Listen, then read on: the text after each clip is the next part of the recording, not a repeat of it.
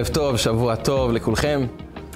אין אהבה עוצמתית וחזקה יותר מאהבת הורים לילדים. כשאנחנו מדמיינים לעצמנו את שיא האהבה, שיא הקשר, שיא החיבור, אנחנו אומרים אבא וילד, אימא ובת, הורים וילדים, זה אהבה שאין לה סוף, זה אהבה שלא מבקשת לקבל, זה אהבה של נתינה אינסופית. הורה אוהב את הילד שלו ומוכן למסור את נפשו עבור הילד שלו. ודווקא בגלל שהאהבה הזו היא כל כך עוצמתית, היא כל כך חזקה, היא כל כך עמוקה שנובעת מעצם הנפש, הורה שואל את עצמו ללא הרף, מה אני יכול לעשות כדי לתת לילדים שלי הכי הרבה, את הכי טוב? לתת להם לא רק הנאה זמנית, אלא גם כלים לחיים שיוכלו לגדול בצורה הכי טובה שרק אפשר. והוא שואל את עצמו, מה אני יכול לתת להם? שייתן להם את יסודות החיים, את הכלים האמיתיים לחיים טובים. מה זה בכלל כלים טובים לחיים?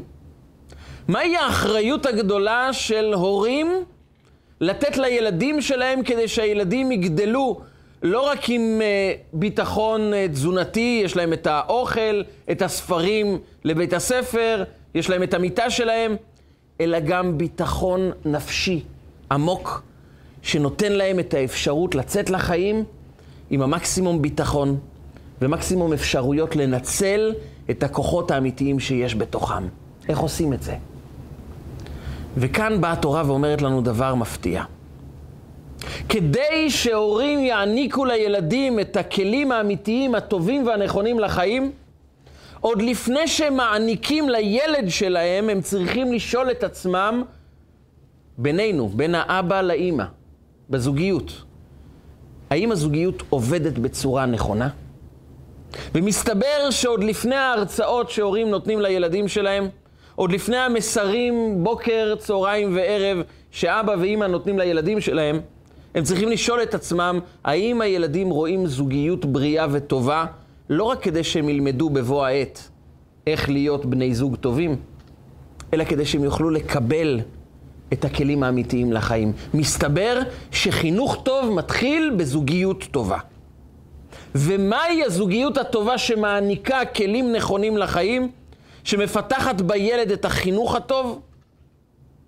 על זה באה התורה ומצווה אותנו ציווי שאפשר לומר בזהירות, זה אולי המצווה הכי מוזרה שיש לנו בספר התורה. מצווה שכולם מתקשים מאוד להבין אותה. המפרשים כבר החל מהתלמוד, התנאים, האמוראים, רבותינו הראשונים, מפרשי התורה, כולם מנסים להסביר את המצווה, שהיא מצווה מאוד מוזרה. יכול להיות שהיא גם מכעיסה. היא מצווה שכל אדם שלומד בספר התורה על המצווה הזו, עומד תמה, מופתע. לזה הוא לא ציפה. ואני מדבר על מצוות בן סורר ומורה. כך אומרת פרשת השבוע כבר בהתחלה. כי יהיה לאיש בן סורר ומורה. איננו שומע בקול אביו ובקול אמו. הילד הזה גדל ולא שומע למה שאבא אומר, למה שאימא אומרת, וייסרו אותו ולא ישמע עליהם. הם מייסרים אותו, נותנים לו דברי מוסר, אולי גם עונשים, והוא לא שומע להם. ותפסו בו אביו ואימו, אומרת התורה, אבא ואימא תופסים אותו, והביאו אותו אל זקני עירו ואל שער מקומו. זקני עירו זה שם נרדף לשופטים.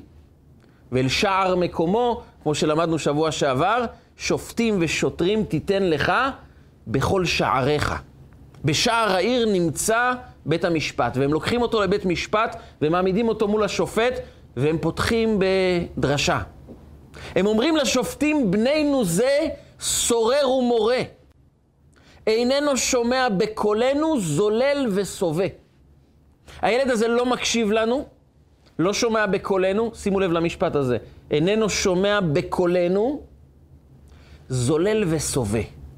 מה זה זולל וסובה? מסביר התלמוד. זולל וסובה, הכוונה היא שהוא אוכל תרתימר בשר וחצי לוג יין. זה בערך רבע קילו בשר וקרוב לליטר יין, זה מה שהוא אוכל ושותה. זולל וסובב, ובשביל זה לוקחים אותו לבית משפט. ואז התורה מציעה פתרון לילד הזה. אם הוא מתגלה כאשם, כאחד כזה שגונב כסף מאבא ואימא כדי לקנות תרתימר בשר וחצי לוג יין, הורגמו כל בני עירו באבנים ומת, וביערת הרע מקרבך. סוקלים אותו וככה מבערים את הרע מהמקום שבו הם גרים. כל אחד שואל את עצמו, זה רציני הסיפור הזה? הילד גנב כסף מאבא ואימא, קנה לעצמו כמה סטייקים טובים, רוקן בקבוק יין, וזהו סקילה. זה רציני? והדבר היותר מוזר זה שהתלמוד, על פני פרק שלם במסכת סנהדרין, דבר שהוא נדיר ביחס למצוות התורה. לא כל מצווה מקבלת פרק שלם כמעט בתלמוד הבבלי. והמצווה הזו מקבלת פרק שלם שחכמים דנים על כל מילה במשפטים, בפסוקים שציטטנו לפני כן. והיא מפרטת את הדינים השונים שלו, ובין שאר הדינים מופיע שבן סורר ומורה הוא צריך להיות גם בן, עדיין לא איש, בן, אבל כבר חייב במצוות. שזה התקופה בין גיל 13 ל-13 ושלושה חודשים. זה התקופה שבו הוא נידון כבן סורר ומורה. לא לפני, לא אחרי. שלושה חודשים, שאז אם הוא אוכל בשר ושותה יין, גונב כסף, כדי לאכול את הכמות בשר של תרתימר בשר וחצי לוג יין, אז הוא נהרג. המצווה, המצווה הזו מוזרה מכל כיוון שלא נסתכל. קודם כל, איזה הורים לוקחים את הילדים שלהם לבית הדין ומתלוננים שהוא אוכל בשר ושותה יין ורוגמים אותו באבן? הרי הורה רוצה לשמור על הילד.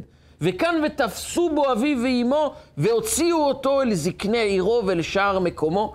המצווה הזו כל כך מוזרה, כל כך בלתי נתפסת, שאנחנו אומרים לעצמנו, הרי זה, זה לא משהו שקורה היום, נניח את זה בצד. אבל מי שמתעמק קצת בפסוקי פרשת השבוע, שואל את עצמו, מה באה התורה לומר לנו בדיוק? וכאן מגיע דבר נוסף.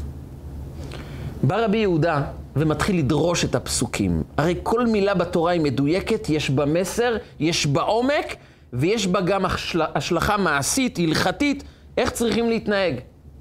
באים האבא והאימא, ותפסו בו אבי ואימו, והוציאו אותו אל זקני עירו ואל שער מקומו, ומה הם אומרים לשופטים? בננו זה סורר ומורה, איננו שומע בקולנו. מה זה איננו שומע בקולנו? אומר רבי יהודה, אין בן סורר ומורה חייב עד שיהיה הקול של אביו והקול של אמו שווה. במילים אחרות, רק אם טון הדיבור, צבע הקול של האבא והאימא שווה, אז הוא יכול להיות בן סורר ומורה. אם הקול של האישה הוא קול יותר נשי והקול של הגבר יותר גברי, אז אין את כל הסיפור הזה מההתחלה. לא רק זה. לא רק שהקול שלהם צריך להיות דומה, דבר שאני לא יודע אם יש לזה בכלל תיעוד היסטורי, אם זה קרה פעם במציאות, אלא גם הם צריכים להיות שווים בקול שלהם, במראה שלהם ובקומה שלהם, בגובה שלהם. במילים אחרות, הבן סורר ומורה שנידון לסקילה, רגע לפני שסוקלים אותו, מעמידים את אבא ואימא ליד סרט מדידה, ואם האבא הוא מטר שבעים וחמש והאימא היא מטר שבעים, אז כל הדיון מתבטל, הם לא דומים, יש חמש סנטימטר הבדל, מבטלים את כל פסק הדין.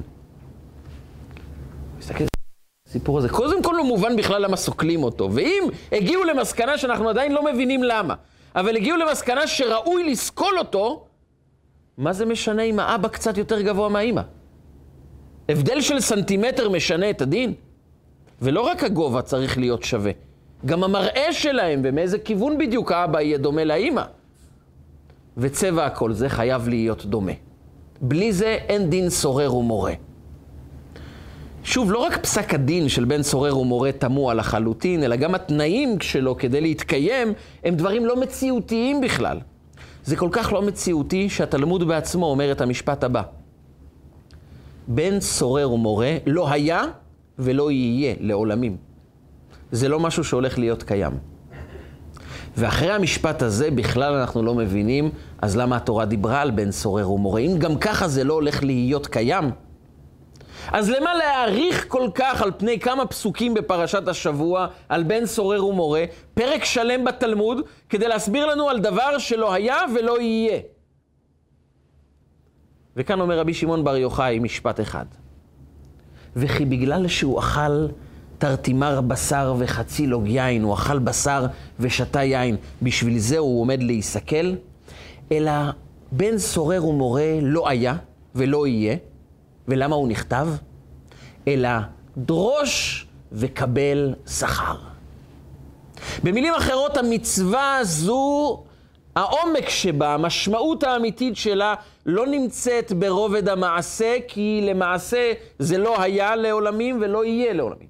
זה לא היה אף פעם ולא יהיה אף פעם. אבל יש מטרה אחת, למה היא נכתבה בתורה.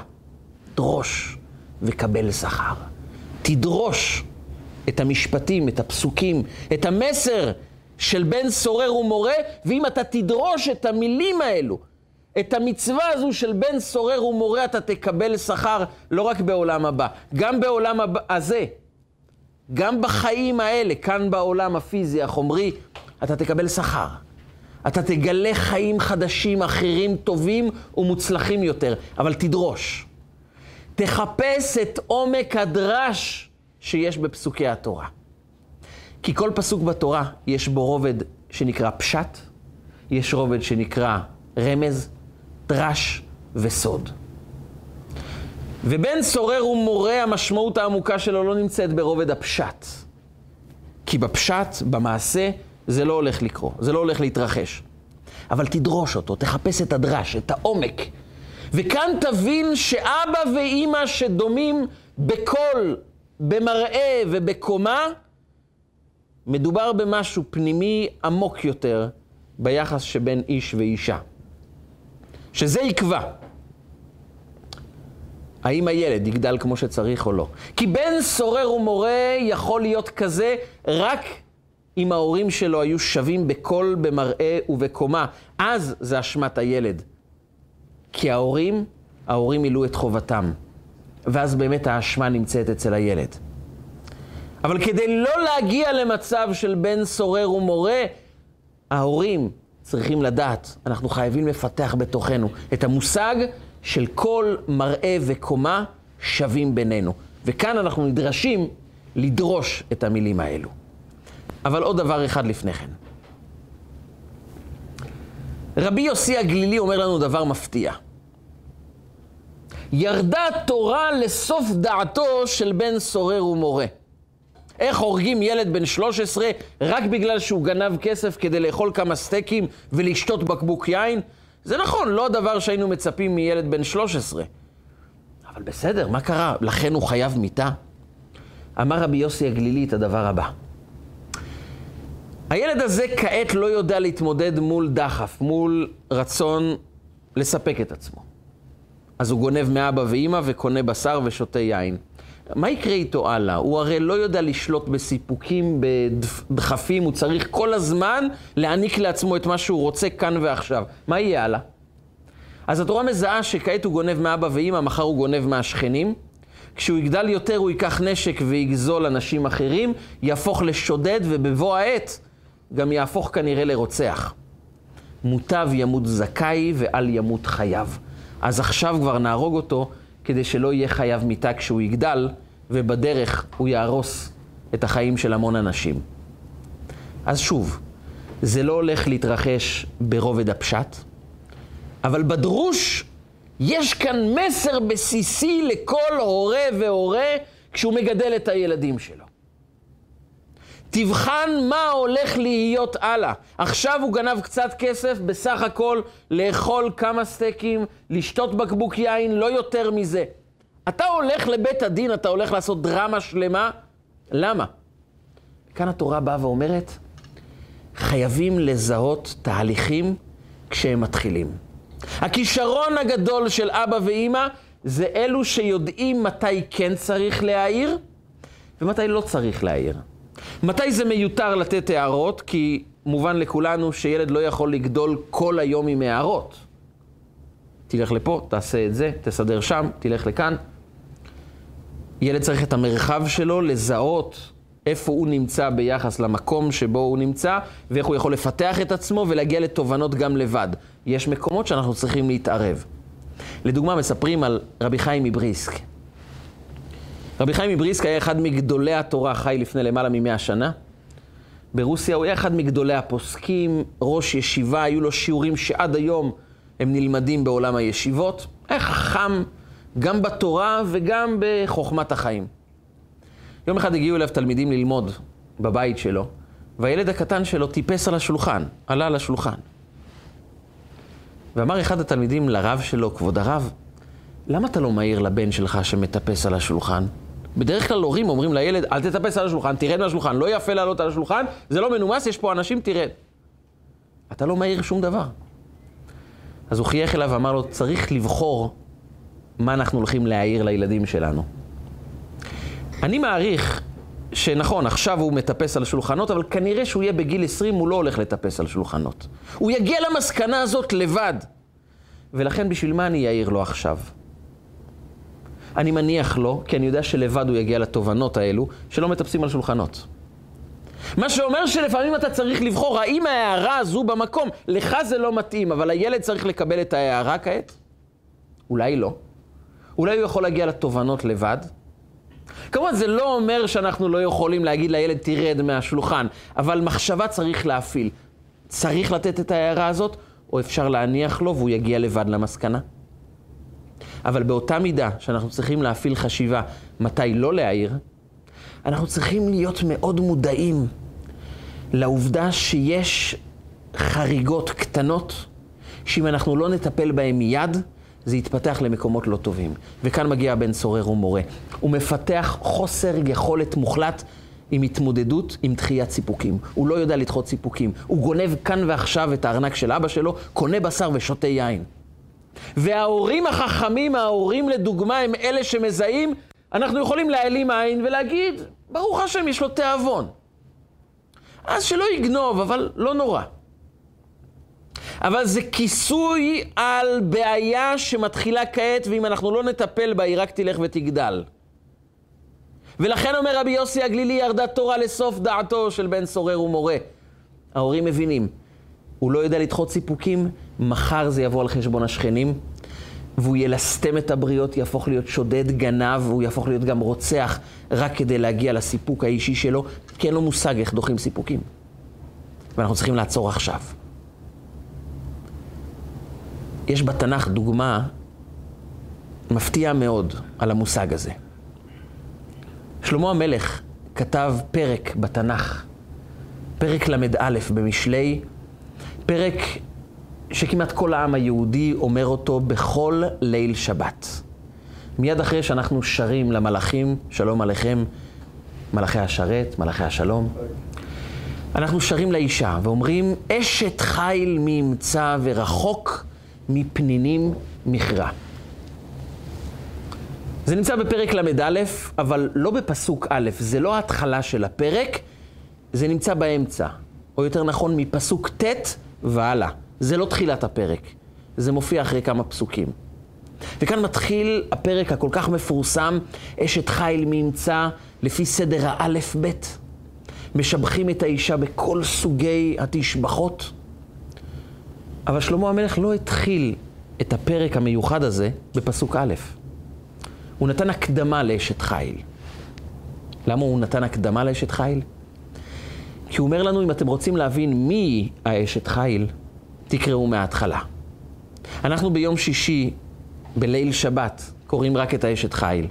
אבל שווה להתבונן קצת, מה הייתה הקדמה לאשת חיל? מי זאת האשת חיל? למה הוא בכלל כתב עליה פרק שהוא משבח אותה?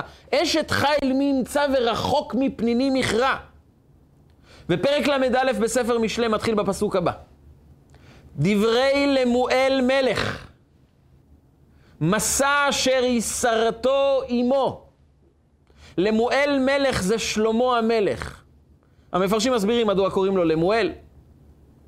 דברי למואל מלך מסע אשר יסרתו עמו.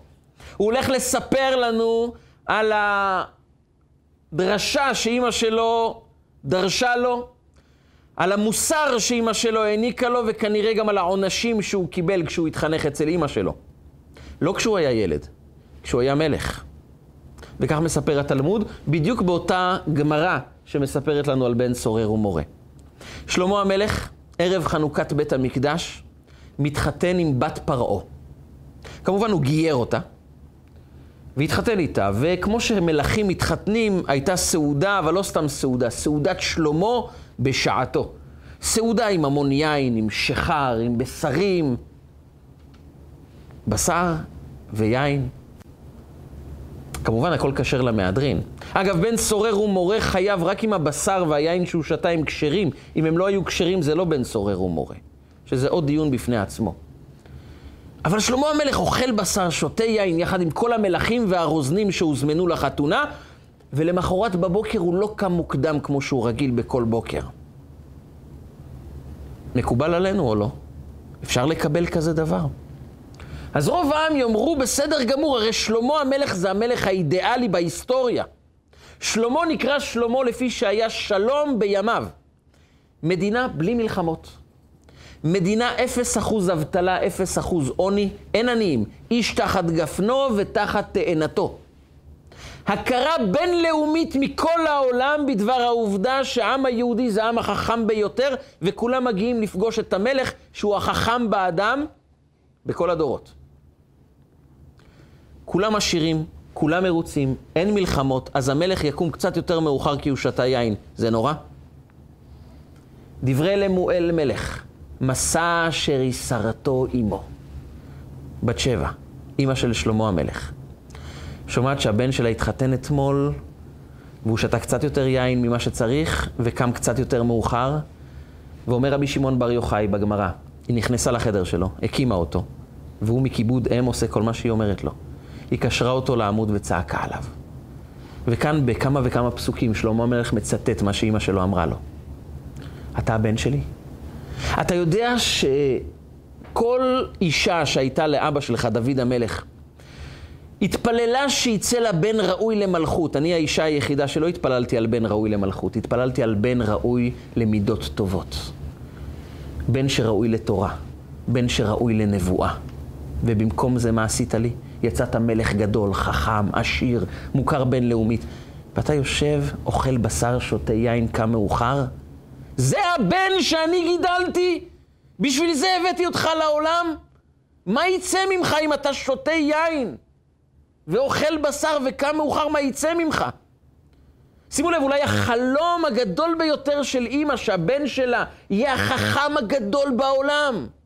איש המדע המפורסם ביותר בעולם. מלך אמיתי, אהוב על כל העולם, בונה את בית המקדש. מה אימא יכולה לבקש יותר? והיא לא קונה את זה. היא ניגשת בבוקר וקושרת אותו לעמוד וצועקת עליו, מה יצא ממך? מה זה מה יצא ממך? הוא הבן האידיאלי של אימא, בטח של אימא יהודייה. מלך, חכם, מוכר בינלאומית, כולם מכבדים אותו, מה את מבקשת יותר? והיא לא מרוצה. ושלמה המלך, דווקא בגלל שהוא החכם באדם, שותק, מקשיב לכל מילה של אימא שלו ומבקש סליחה. והוא רושם את הכל במשלי, ואחרי שהוא גומר לרשום את כל מה שאימא שלו צעקה עליו, ושהוא הודה לה ואמר לה, צודקת אימא, אז הוא פותח במילים אשת חיל מי ימצא ורחוק מפניני מכרע. זו אימא שיכולה לגדל ילד שהוא מלך. כי זה אימא שלא מתייחסת לרובד החיצוני של החיים. היא יודעת לזהות חריגות מהרגע שמתחילות. מהרגע שמשהו עובד לא נכון, היא יודעת איפה זה יסתיים. זו אשת חיל שיודעת ורחוק מפניני מכרע. היא יודעת להביט רחוק. היא יודעת לזהות מה כעת לא הולך טוב, שאולי זה קטן, אבל זה יסתיים במקום לא טוב. והיא מזהה שהבן שלה, המלך הגדול, שתה קצת יותר יין, אכל מעט בשר, קם מאוחר, וזה לא ייגמר טוב. והיא אומרת לו, על המלכים שתו יין, ואי שחר לרוזנים, מלך לא אמור להימשך אחרי יין. אתם צריכים לתת את זה למראי נפש, תנו יין למראי נפש. אתה מלך? לאיפה אתה חושב שאתה תתקדם עם ההפרזה הזו בתענוגות, בשינה מוגברת? זה יהפוך אותך לאדם אנוכי, אגואיסטי. אתה תנצל את המלכות רק לטובתך ולא לטובת העם. אתה תגדל בצורה לא טובה, תעצור כעת. שלמה המלך, החכם מכל, מכל אדם, ידע שאימא שלו צודקת. והוא אמר, אשת חיל ממצא ורחוק מפניני מכרע. ידע לזהות שכעת אני חרגתי מעט, שהטבע האנושי הוא לומר, אנחנו כל כך טובים, אז לא נורא. אז נכון, יש דברים שלא נורא, אבל יש דברים שזה נורא ואיום. והורה טוב יודע לזהות מהם החריגות הלא טובות. וזה המסר הראשון של דרוש וקבל שכר מבן סורר ומורה. הורים טובים יודעים לזהות, הוא נמצא במקום שממנו זה יתפתח למקומות לא טובים. ודרוש וקבל שכר, לדעת מתי צריכים לומר לילד לא בצורה מוחלטת, שהוא לא יידרדר, שהוא לא יקבע בתוכו את הדברים הלא טובים, ולא יפתח אותם למקומות לא טובים בחיים שלו. וזה הדרוש הראשון של בן סורר ומורה. וכאן מגיע רבי יהודה ואומר, הורים צריכים להיות שווים בקול, במראה ובקומה. אתם יודעים, בקבלה, אבא ואימא זה משול לספירת החוכמה והבינה. זה לא רק ספירות עליונות, זה גם כוחות נפש. יש בנו כוח החוכמה וכוח הבינה. יש הבדל ביניהם. חוכמה ובינה זה לא אותו דבר. להיות חכם או להיות נבון זה שני דברים שונים. בקיצור, נמרץ חוכמה זה כוח ההמצאה, זה כוח מה? זה הכוח להבין דבר חדש שלא הייתי מודע אליו עד היום בחיים שלי. זה הכוח בלהכיר המצאה חדשה שהיא לא הייתה חלק ממערך החיים שלי עד כעת. אני התבוננתי, חשבתי והמצאתי המצאה. יש אנשים שיש בהם גאונות של המצאה, הם יודעים להמציא דברים. לחשוב על דבר שאף אחד לא חשב. האנשים האלו הביאו דברים חדשים לחיים. הם החליטו שאפשר לרחף באוויר. אז הם המציאו מטוס, בזמן שכל האנשים אמרו, אין כזה דבר לרחף באוויר, זה רק ציפורים. אבל קם מישהו והמציא בכוח החוכמה רעיון חדש שייתן לך אפשרות לטוס באוויר. מספרים שברוסיה, כשהגיעה הרכבת הראשונה, האנשים לא האמינו. אנשים אמרו, לא, בטוח מסתתר שם סוסים. יש סוסים. לא יכול להיות קרונות שנוסעות בלי סוסים, זה לא קיים. אנחנו מדברים משחר ההיסטוריה עד היום, שקרונות נוסעות רק עם סוסים, אז איך פתאום זה נוסע בלי סוסים? אבל מנהל תחנת הרכבת נשבע שאין סוסים. אמרו לו, אנחנו לא מאמינים לך, תן לנו לבדוק. אז הוא הזמין את חכמי העיירה לבדוק. והם בדקו ועברו קרון קרון, הסתכלו מתחת מלמעלה. וכשהם סיימו, אמר להם בחיוך מנהל התחנה, נו, אתם רואים שאין סוסים? אמרו לו, תראה, סוסים גדולים בטוח אין, אבל ברור לנו שיש סוסים קטנים שמסתתרים פה באיזשהו מקום. לא יכול להיות שזה נוסע בלי סוסים. במילים אחרות, קיבעון חשיבתי, אנחנו בנויים רק על סוסים, אז אם אין גדולים אז יש קטנים, אבל סוסים חייב להיות. כוח החוכמה זה להבין שאולי זה יכול להתנהל גם בלי סוסים. באופן אחר.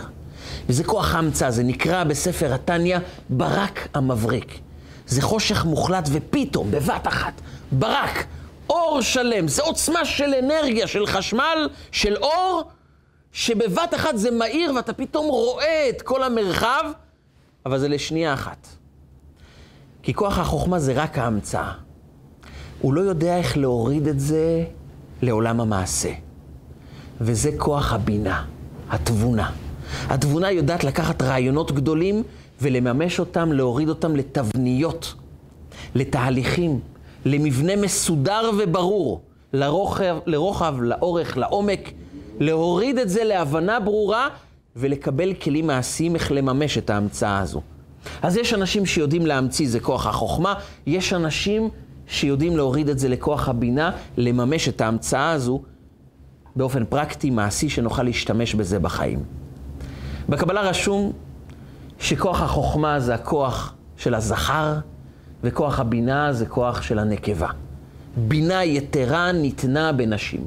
כמובן ששני הכוחות נמצאים גם אצל הגבר וגם אצל האישה. השאלה מה יותר דומיננטי, ולפעמים זה גם יכול להתחלף. יכול להיות אישה שהיא יותר חוכמה, וגבר שהוא יותר בינה, אבל בכללות בקבלה נאמר שחוכמה זה הגבר ובינה זו האישה. לכן אישה היא יותר מפתחת את הדברים. הבעל מגיע הביתה ויש לו רעיון כביר, אדיר, לטיול חדש למשפחה. נצא לאוהלים על החוף הזה והזה, נעלה על הצוק הזה ושמה נעשה מנגל. רעיון מצוין, רק האישה אומרת לו, אבל באותו יום יש לנו פגישה. ואיך אנחנו נקנה בדיוק את האוהל, ואיך נוריד את זה למעשה. היא מורידה אותו לקרקע. יש לו המצאה מאוד טובה, אבל איך לממש את זה, צריך מישהו שידע להוריד את זה לתוכנית, מתי יוצאים, מה לוקחים איתנו ואיך מממשים את זה. ובדרך כלל הבעל זה הוא שיש לו המצאות ואין לו מושג איך מורידים את זה למעשה, והאישה לוקחת את ההמצאה ובונה תוכנית שנוכל גם לממש את זה. כך או כך זה החוכמה והבינה, ואנחנו שואלים שאלה אחת. מי יותר חשוב בחיים, החוכמה או הבינה? מה יותר נחוץ? מה יותר נעלה? מה יותר חשוב? מצד אחד, בלי המצאות אתה לא תוכל לנהל שום דבר, לא תוכל לעשות כלום, כי אין לך המצאה שאיתה תוכל להתקדם בחיים. מצד שני, רק המצאה בלי בינה, אז מה עשית בזה? זה נשאר ברובד האבסטרקטי, הרעיוני, אבל למעשה לא מתרחש שום דבר. אז מה יותר חשוב, חוכמה או בינה? או במילים אחרות, מי יותר חשוב במשפחה, האבא או האימא? והתשובה היא פשוטה לכולם. קורא לזה ספר הזוהר, בקבלה נאמר על זה, חוכמה ובינה הם טרן רעין דלא מתפרשין. זה שני חברים שאחד לא עוזב את השני. אי אפשר לאחד בלי השני. הם חווים אחדות וחיבור ביניהם, שבכלל השאלה לא מתעוררת מי יותר חשוב.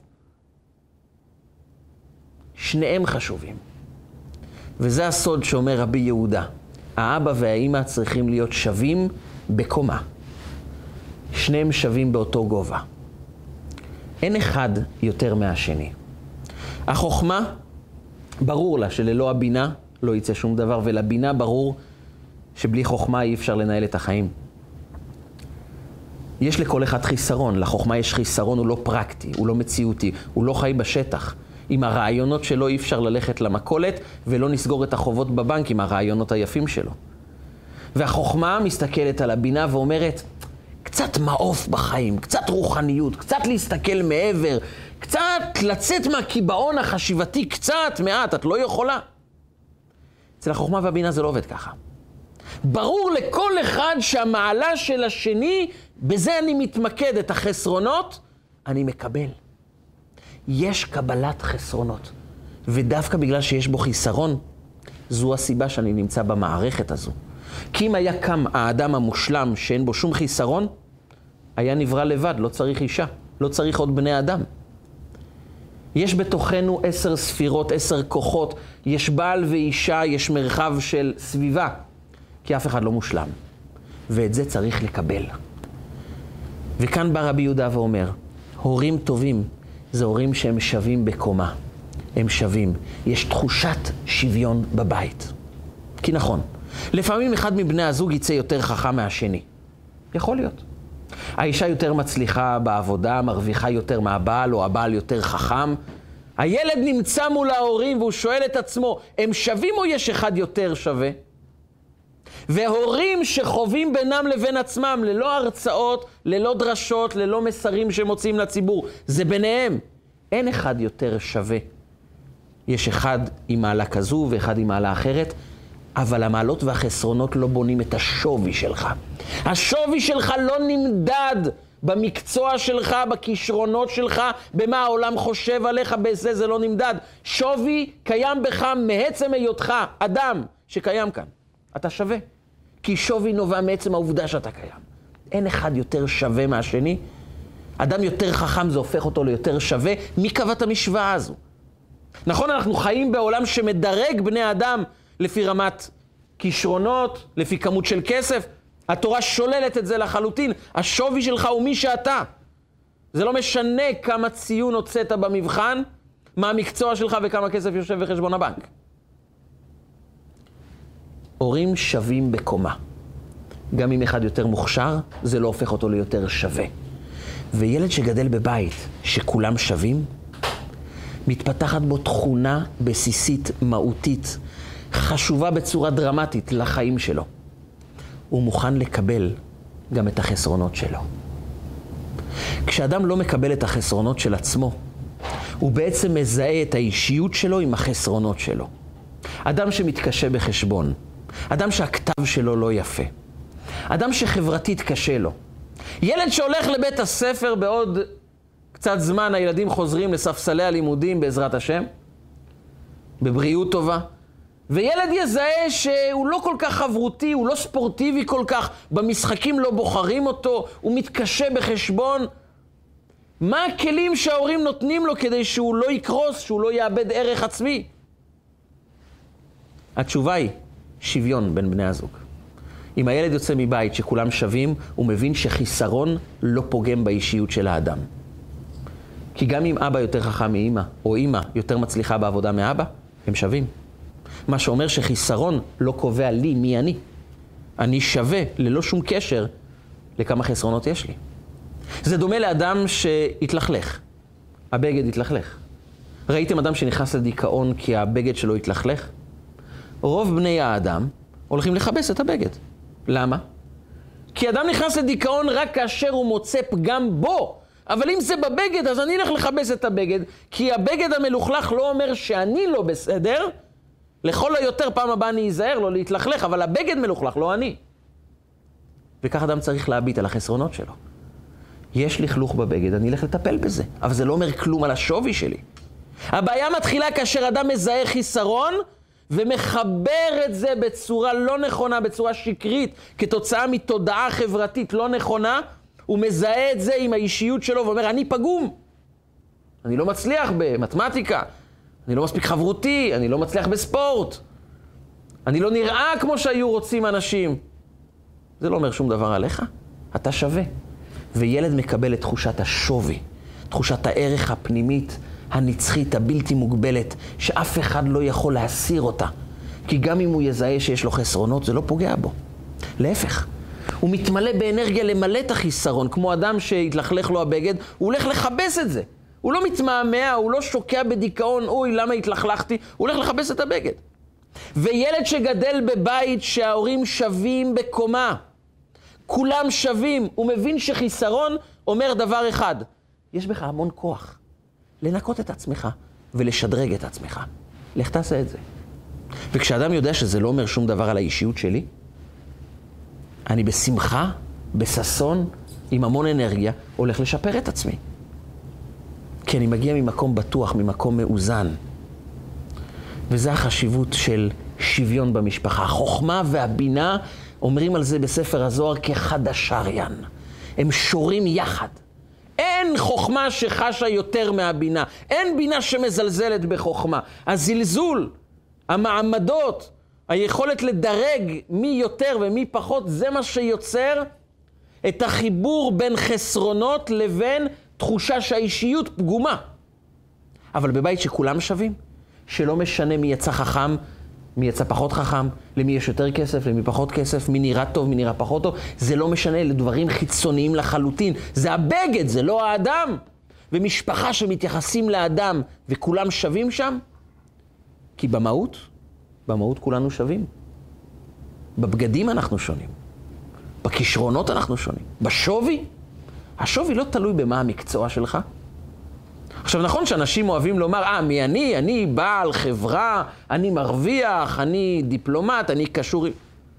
אבל זה לא מגדיר, אפילו לא לרגע אחד, מה השווי שלך. האדם המובטל שווה בדיוק, בדיוק, כמו המיליארדר שסגר עסקה והרוויח עוד 300 מיליון דולר. אותו דבר הם שווים. כסף לא מגדיר אישיות של אדם, מקצוע לא מגדיר אישיות של אדם, השווי הוא נמצא בך. וזה העוצמה הגדולה שעליה רבי יהודה אומר, בן סורר ומורה הוא נקרא רק בן סורר ומורה אם ההורים שלו היו שווים בקומה. אז האשמה כביכול היא על הילד כי ההורים מילאו את חובתם, הם גידלו בית שבו כולם שווים. יש ערך מקסימלי לכולם, ללא שום קשר לרמת הכישרונות וההישגים. אז זה מעניק לילד את היכולת לנשום עמוק ולקבל את החסרונות, לא להתכחש אליהם, לטפל בהם ולהתקדם הלאה בחיים, כי זה לא אומר כלום על האישיות שלו. וכאן מגיע הדבר השני, המראה. המראה הוא בעצם סמל לתענוג. אנחנו יודעים שיש לנו מצוות הדלקת נרות בערב שבת. למה מדליקים נרות בערב שבת? למה חכמינו תיקנו שבכל בית ידלקו נרות בשבת? התשובה היא מאוד פשוטה, אסור להדליק אש בשבת, אסור, אסור להדליק אור בשבת, אז מלפני שבת מדליקים נרות משלוש סיבות. סיבה אחת, כבוד שבת. זה כבוד שיש נרות שדולקים בבית. הסיבה השנייה, שלום בית. אם אין אור, אנשים נתקלים ברהיטים, בחפצים, נופלים, מתמרמרים, כועסים, ואז יש אווירה לא נעימה בבית. שלום בית, כבוד שבת, והסיבה השלישית היא עונג שבת. כשאתה אוכל את סעודת השבת, ולכן אנחנו מקרבים במקסימום האפשרי, תוך זהירות גדולה, את, מקרבים את הנרות לשולחן. לאכול לאור הנרות. כי רק אדם שאוכל ויש אור סביבו, הוא יכול ליהנות מהאוכל. אוכל בלי שרואים מה אוכלים, מוריד חלק ניכר, חלק גדול מהתענוג. האור, המראה, מביא תענוג. כשאני רואה מה אני אוכל, אני מתענג. וזה מדבר על החוכמה והבינה שנמצאים יחד בתענוג. יש להם תענוג מלחיות יחד. וכאן דבר בסיסי בחיים. האם ילד גדל בבית שההורים, ולא רק ההורים בינם לבין עצמם, אלא ההורים בינם לבין עצמם, בינם לבין הילדים, ובכלל, יש בהם תענוג לחיות יחד? העולם מלא בבדיחות כל הזמן על זוגיות, כמה הבעל סובל, כמה האישה סובלת, כמה הבעל לא יודע איך להתנהג, כמה האישה לא טובה. והכל מגיע משורש אחד שכביכול אין תענוג בחיים האלה. החיים יחד רק דורשים ממני ולא מעניקים לי. וכאן השאלה הגדולה, האם אנחנו יודעים לבנות בית שבה יש לנו תענוג מלתת? יש הרבה פעמים משפטים שאנחנו נשמע כמו אני נותן ונותן ונותן ומעניק למשפחה וקונה ומעניק לאשתי, ומה אני מקבל חזרה? מה קיבלתי חזרה? במילים אחרות, אני נתתי ואני רוצה גם לקבל חזרה. כי אין לי תענוג מלתת. לתת ולהעניק ולהעניק, זה רק דורש ממני, אבל מה אני מקבל חזרה? אז אם אני מקבל חזרה, זה השקעה שווה. אני גם נותן וגם מקבל. אבל אם אני רק נותן, אז מה זה שווה? מה שבטוח, שרק לתת, זה לא תענוג. כי אם זה היה תענוג, גם אם הוא לא היה מקבל חזרה, הוא היה ממשיך, כי זה תענוג עבורו לתת. כשאדם מתענג מלתת, מלהעניק, אז הוא לא עושה חשבונות ולא פותח פנקסים, אין אצלו פנקסנות. יש מושג של פנקסנות. זה אומר כל אחד רושם מה הוא עשה ומה הוא קיבל. הוא אומר, כן, אני נתתי את זה ואת זה ואת זה, מה את נתת? את לא נתת שום דבר. אתה לא עשית, תראה כמה אני עובדת, כמה אני משקיעה בילדים, כלים, עבודה, דואגת לכל דבר, מה אתה נתת? ואז כל אחד מתחיל לחשבן. אתה נתת 20 אחוז, אני נתתי 30 אחוז. זה מקבע תודעה אחת בבית. אין תענוג מלתת, וכשאין תענוג מלתת, אף פעם זה לא בטוח שהחסרונות יתמלאו. ילד שלא בטוח בעובדה שההורים נהנים מלהעניק לו, הוא לא בטוח שימלאו את החיסרון שלו.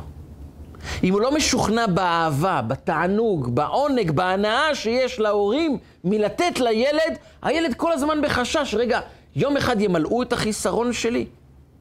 הרי אני שומע כמה אבא לא מרוצה מאימא, כמה אימא לא מרוצה מאבא. כל אחד שנותן עושה חשבונות. אין נתינה בתענוג, זה אומר שאולי רגע אחד אני אצטרך משהו ולא יהיה מי שיעניק לי. ואז הוא בונה יסוד בחיים. יסוד שלא נכון, אבל הוא יוצא לעולם עם הרגשה שלא בטוח שייתנו לך, לא בטוח שתצליח לגשר על פערים, לא בטוח שהחסרונות יתמלאו יום אחד. החיים מזמנ, מזמנים לנו משברים, כישלונות, דברים שלא מסתדרים, דברים שחסר לנו. האדם שיצא מבית שמרגיש לא נותנים פה באהבה, הוא לא ידע לעולם האם מגיע לי לקבל, מגיע לי לחיות חיים ראויים, מגיע לי הדבר הזה. הוא גדל בבית, ששם לא נתנו כי זה תענוג, נתנו רק אם יקבלו, אבל שיתמלאו החסרונות שלי, מי אמר? כשאין תענוג מנתינה, כשבעל לא נהנה לדאוג לאשתו, ואישה לא נהנית מלדאוג לבעלה, אין תענוג בנתינה. הנאה, הנה, עשיתי, שימחתי, גרמתי הנאה לאדם אחר, איזה כיף. כשאין את זה, ילד גדל ואומר, אז מי אמר שאני ראוי שיתמלא החסרונות שלי? נתתי מספיק. יש בי מספיק כוח להעניק בחזרה? אם לא, אולי אני אזרק לתוך גלי החיים ושום דבר לא יעזור לי. אבל אדם שיצא מבית של נתינה בתענוג, חש כל הזמן כל פער ניתן לסגירה. כל חיסרון אפשר למלא.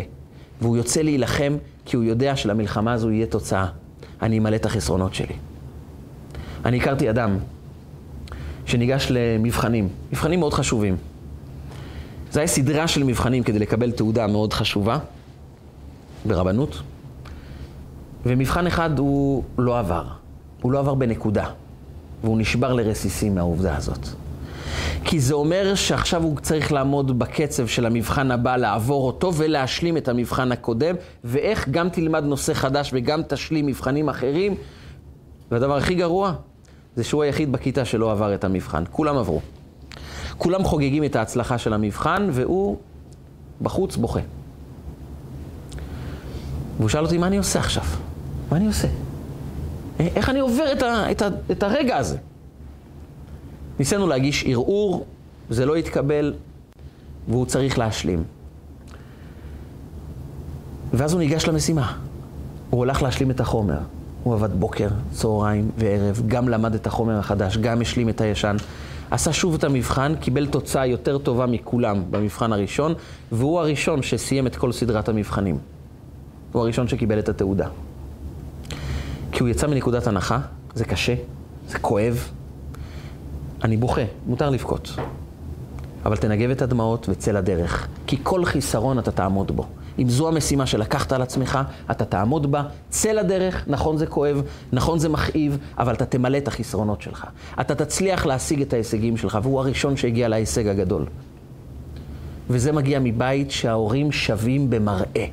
לא מדובר על התחום הפיזי, כי זה לא יקרה, אבל הורים דומים זה הורים שמסתכלים אחד על השני במראה דומה. יש לכל אחד את הראייה האופטימית על החיים. כן, האישה מקרינה תענוג בנתינה לבעל, והבעל מקרין מראה שווה לגמרי. אני גם נהנה לתת, אני נהנה להעניק. וכשילד רואה את ההורים שנהנים להעניק אחד לשני, הוא חש שתמיד אפשר למלא חסרונות. יש תמיד טוב, תענוג, חסד בעולם, שהחסד הזה תמיד ירד אלינו לחיים ויעניק לנו את הכוח להשלים את החסרונות. וכאן מגיע הדבר השלישי. הם שווים בקומה, שווי לכל אחד, בצורה שווה. יש להם מראה שווה תענוג בנתינה אחד לשני, מה שבונה בהם את היציבות הזו, שיש לנו תענוג בחיים שיגרום לנו את הכוח, ייתן לנו את הכוח למלא כל חיסרון.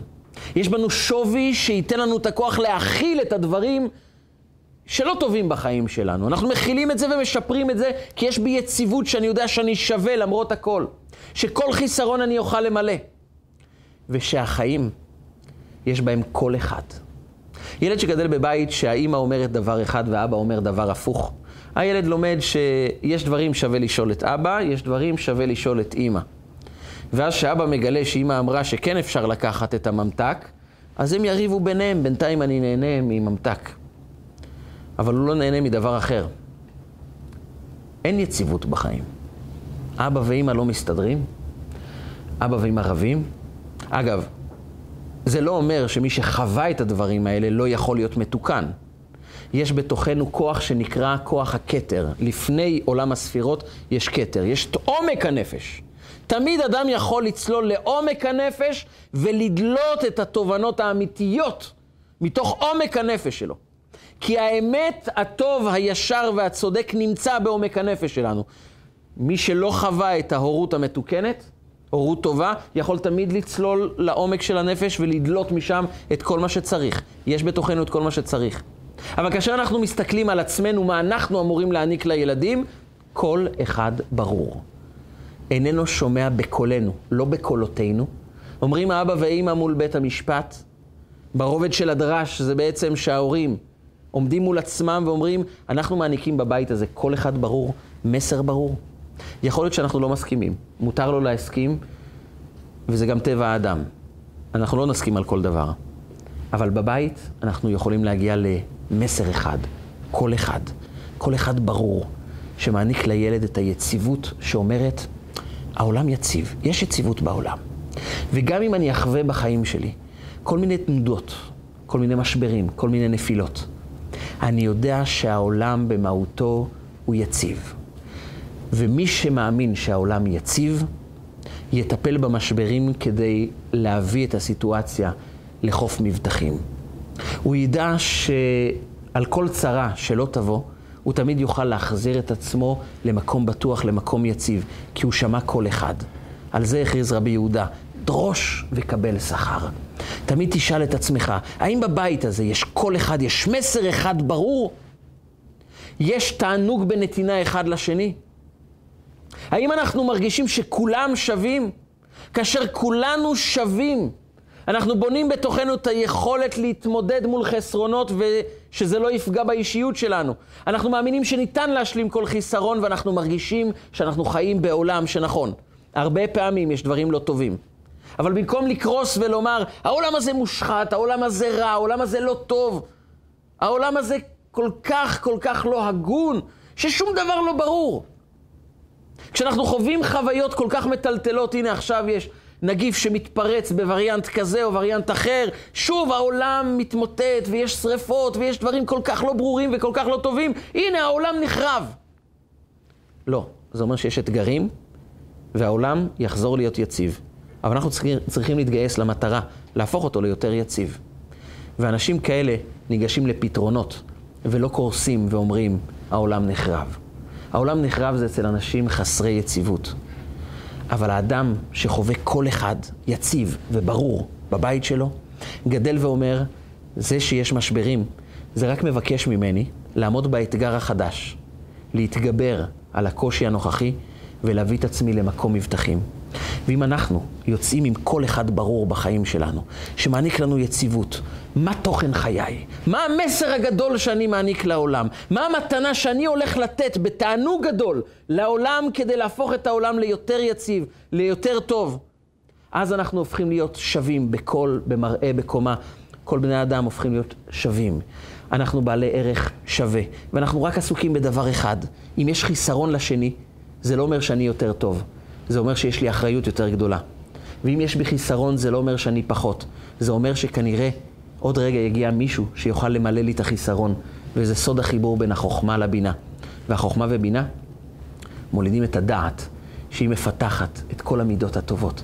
ככה אנחנו הופכים את העולם לעולם יותר יציב, יותר הוגן, יותר טוב. ככה אנחנו מאירים את העולם עם אור של אמת אלוקית נצחית, שהטוב קיים כבר עכשיו, ואני הולך לגלות אותו. כדי להביא את העולם לטוב המוחלט, שיתגלה בגאולה השלמה, על ידי משיח צדקנו במהרה בימינו, אמן ואמן. רגע של חוכמה, רגעים קצרים ומשנה חיים. הצטרפו אלינו, הרשמו לערוצי רגע של חוכמה ביוטיוב, בפייסבוק, באינסטגרם ובוואטסאפ.